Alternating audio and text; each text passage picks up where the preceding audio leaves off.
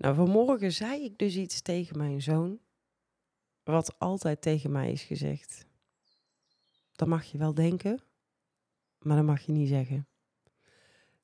En voordat ik het, voor, toen, ik het, toen ik het eruit bracht, dacht ik, oh nee, dat is precies waar ik heel mijn leven al tegen aanloop. Dat ik mezelf niet mag uitspreken, omdat, daar, omdat andere mensen daar moeite mee hebben.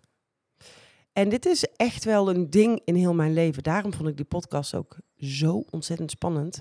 Omdat er tegen mij altijd is gezegd: Chris, dat zeg je toch niet? Dat kun je toch niet maken? Dit is echt onbeleefd. Dit kun je echt niet zeggen. Dit mag je denken, maar dat mag je niet zeggen.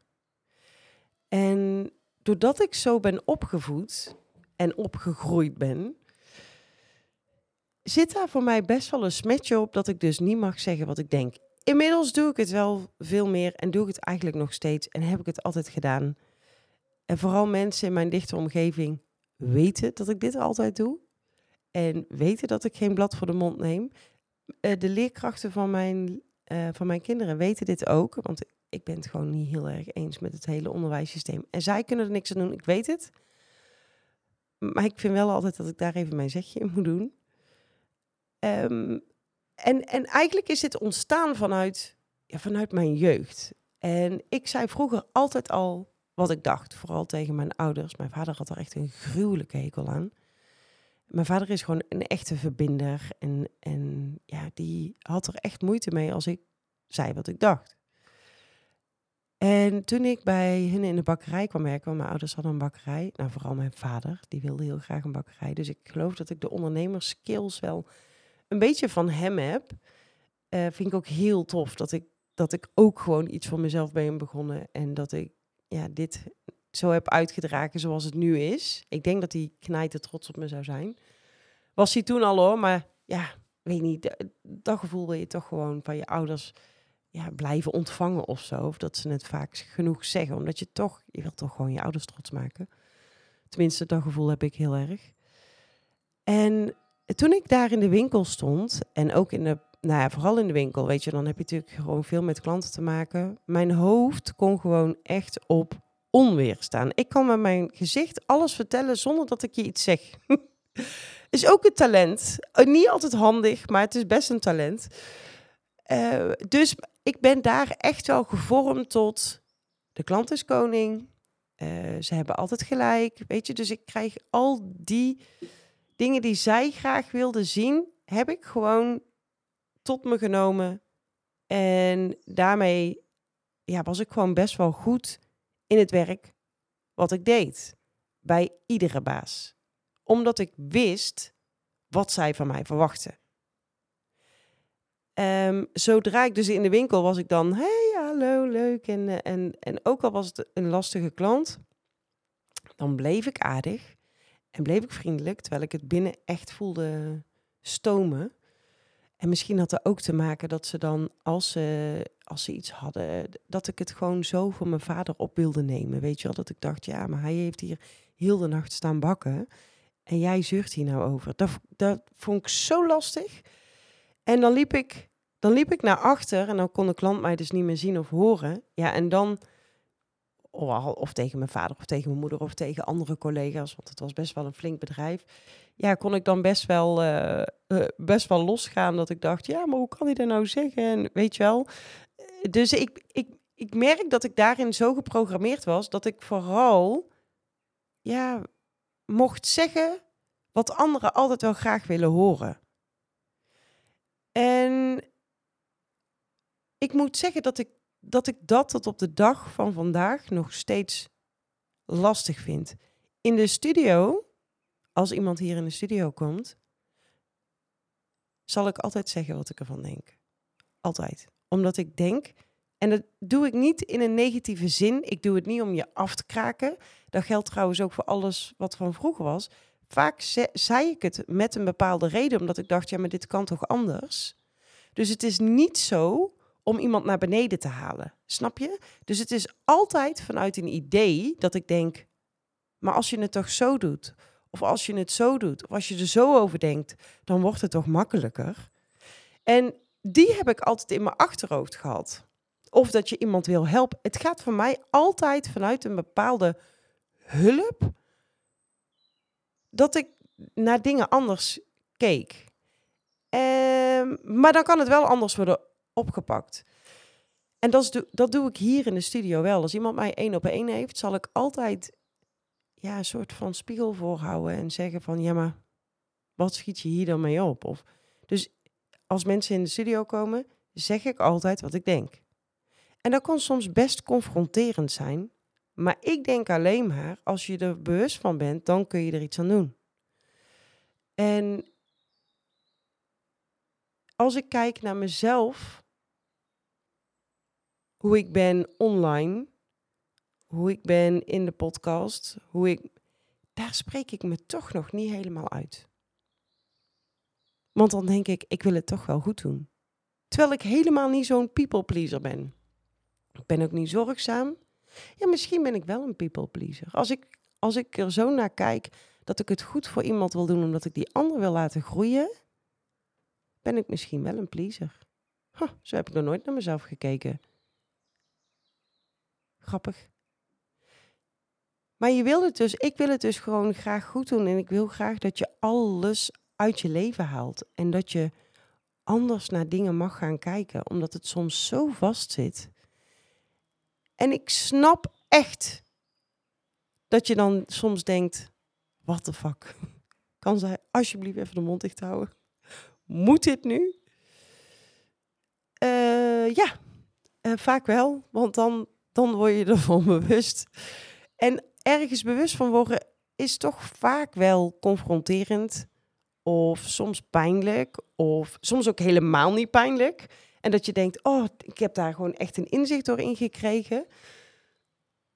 En ik moet daar, weet je, als ik gewoon kijk naar, mij, naar mijn hele, hele zijn, naar alles wat ik om me heen heb, dan zijn er sommige mensen die het heel fijn vinden dat ik me uitspreek. Er zijn er ook een aantal die dat echt niet tof vinden. En waar het aan ligt, weet ik dus niet zo goed. Maar er zijn dus altijd mensen die het tof vinden en mensen die het, nou ja, die het dus niet zo kunnen waarderen. En het is bij mij niet zo dat ik dan ga denken, ik spreek me niet meer uit. Dat is niet aan de orde. Het is ook niet zo dat ik het minder doe, maar ik merk wel dat ik het online veel minder laat zien. Dus voor mij, ja, degene die mij online zien, en misschien speelt dit echt alleen af in mijn hoofd hoor, maar ik heb wel het idee dat de mensen die mij online zien, die bij mij de uh, posts volgen, nu heb ik ze iets meer uitgesproken geschreven. Maar normaal gesproken wil ik het gewoon altijd. Ik wil wel iets aanraken, maar, maar niet te heftig. Omdat ik dan toch altijd weer. Ik weet niet, ik krijg dan een soort van stemmen van vroeger van dat mag je wel denken, maar niet zeggen. En, en, dat zit er zo diep ingebakken. Ik weet nog dat ik bij deurwaarderskantoor werkte. En uh, toen was ik, oh joh, hoe oud was ik toen? Volgens mij was ik toen 24 of zo, 25. En weet je, als je, ik werkte op een callcenter en ja, daar heb je dus heel de dag boze mensen aan de telefoon. Omdat die boos zijn dat ze een brief hebben gekregen van een, van een incassobureau. Want wij waren gedeelte incasso en waren gerechtsdeurwaarders. Dus bij het incasso gedeelte zat ik. En wij deden dan, ik was vooral verantwoordelijk voor de energie. En die mensen hadden dus een flinke ja, jaarrekening en die moest dan snel betaald worden. En, en toen dacht ik, oh wow, dit werk is er dus ook. Het werk waar ik dus helemaal niet altijd heel lief en aardig gevonden werd. Want iedereen vond mij, die mij belde, vond mij niet aardig. Want ik had natuurlijk een aantal richtlijnen en daar moest ik aan houden. Ik, weet je, ze moesten binnen drie maanden betalen, punt. Er was verder niks anders mogelijk. En als je dan een flink bedrag moet betalen, ja, is degene aan de telefoon natuurlijk altijd de boeman. Hé, dat was ik in dit geval. Ik had de hele dag ruzie aan de telefoon. En ik weet nog dat ik dat toen zo'n lekkere tegenhanger vond. Ten opzichte van altijd maar. En ik was altijd beleefd, hè? Maar altijd maar gewoon ja en amen zeggen. Was dat voor mij zo'n fijne tegenhanger dat ik heel even. Ja, toch wel kon zeggen wat ik dacht, maar op een andere manier. Maar wel altijd vanuit de juiste intentie. Dus vanuit de juiste intentie meedenken. Hoe krijg je het wel voor elkaar? Wat zou je kunnen doen? Uh, dus ik probeerde wel altijd mee te denken. Maar ja, weet je, uit de eerste zin al ja, had je al een soort van ruzie. Omdat ja, sommigen waren heel verdrietig, sommigen die logen alles bij elkaar. Hoor je trouwens ook gelijk. Um, en, en zo leer je dus, dat is voor mij een hele fijne om allerlei verschillende mensen te leren kennen. Hoe mensen reageren, hoe ze met een emotie om, omgaan. En zoals ik het nu vertel, weet je, komt het ook weer helemaal bij me binnen dat ik denk, oh ja, daar heb ik echt, echt veel van geleerd. We kregen veel communicatietrainingen. En daarbij zei ik wel altijd wat ik dacht, maar op een gewoon een hele mooie, respectvolle manier. Want dat had ik geleerd in de baan daarvoor, bij mijn ouders. Hoe kun je dit wel zeggen, maar zorg je dat het bij de andere kant ook netjes aankomt? Dus als ik zo dan terugkijk, denk ik, wauw, ik heb toch echt mooie tegenhangers gehad in, in werk. En daarna heb ik achter de bar gestaan. Dat was totaal andere communicatie. Ook weer veel van geleerd. en zo kom je dus in, ja, in verschillende maten. Je komt natuurlijk met allemaal mensen kom je in aanraking. Ik word echt heel blij van mensen. Als mensen aan mij vragen van, oh, wat fotografeer je zoal? Dan zeg ik altijd, ik fotografeer alleen wat terugpraat omdat ik, ja, ik heb alles gedaan hoor. Ik heb uh, food gedaan, ik heb producten gedaan. Maar daar vond ik echt allemaal niks aan. Vreselijk. Nee, het moet bij mij, ik wil die diepgang opzoeken. Ik wil de diepte ingaan. Nou, ik had het over de vorige podcast dat ik nogal van de hak op de tak kan springen. Zo werkt mijn hoofd nou eenmaal. Dus ik, daarin dacht ik ook altijd van, oh, als ik me zo uitspreek en ik schiet van de hak op de tak, dan kan niemand mij dadelijk meer volgen dat is ook een onzekerheid van mij, dat ik denk, huh, schoot ik nou niet van de hak op de tak? Maar goed, ik laat het los. Ik hoop dat je de strekking van dit verhaal begrijpt. Dat het uitspreken van jezelf, dat het ook echt een stuk van jou is. Een stuk wat je mag en kan uitspreken. Dat je het niet in hoeft te houden omdat je bang bent wat een ander daarvan denkt. En aan de ene kant heb ik wel dat ik denk, wat zal iemand anders daarvan denken? Maar bij mij is het meeste dat ik iemand anders daarmee niet wil kwetsen. Heel vaak als ik dan een post schrijf met mijn ideeën, komt daar een foto of van mij of van mijn team bij. Omdat ik niemand in een, ja, kwaad daglicht is niet het juiste woord. Maar je wil niemand uh, mijn tekst en dan een foto van iemand dat degene denkt dat dat stukje op haar slaat. Snap je wat ik bedoel? Dus ik, alles wat hier gebeurt is zo gevoelig en kwetsbaar, maar ook krachtig. En daar wil je niet met een bepaalde post wil je er onderuit halen. En ik wil je juist upliften in plaats van downgraden. Dus dat uitspreken ook van jezelf, wat je graag wil, waar je naartoe wil, wat je wil gaan bereiken, ongeacht wat iemand daar ook van vindt. Spreek je uit. Dat brengt je namelijk zoveel verder dan je niet uitspreken. Want dan blijf je altijd hangen en denk je achteraf, in je, als je s'avonds in bed ligt, denk je, shit, ik had dit moeten zeggen en ik had dit moeten zeggen en nou weet ik wat ik had moeten zeggen. Spreek je uit. Zeg waar je van droomt. Als je iets ziet aan iemand wat bij kan dragen aan een beter leven voor die ander, zeg het. Ik merk dat ik daardoor heel veel vrouwen echt wel op weg heb geholpen en dingen makkelijker voor ze heb gemaakt. En als we dat allemaal bij elkaar doen zonder dat je je aangevallen voelt, dan kunnen we alleen maar een mooiere wereld creëren samen. En dat is uiteindelijk mijn intentie, dat iedereen gewoon gelukkig is.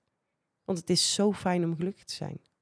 Nou, mocht je interesse hebben in een shoot en benieuwd zijn wat wij in jou zien. En mocht je meer hulp nodig hebben met het nog meer uitspreken, dat klinkt misschien heel raar, maar zo'n shootervaring helpt daar enorm bij, omdat je dan gaat zien wat je te bieden hebt. En dat kan je zo krachtig maken, waardoor je dus jezelf wel gaat uitspreken en anders in het leven gaat staan. En dat gun ik echt iedereen. Want daardoor wordt het leven gewoon nog leuker dan dat het al is. Nou ja, mocht je interesse hebben in een shoot, vul dan alsjeblieft het contactformulier in via de website. En mocht je een vraag hebben of terug willen komen op deze podcast, stuur me gerust een DM via Instagram. Want daar ben ik wel het makkelijkst, uh, makkelijkst te bereiken. Ik wens je een hele fijne dag en uh, spreek je uit.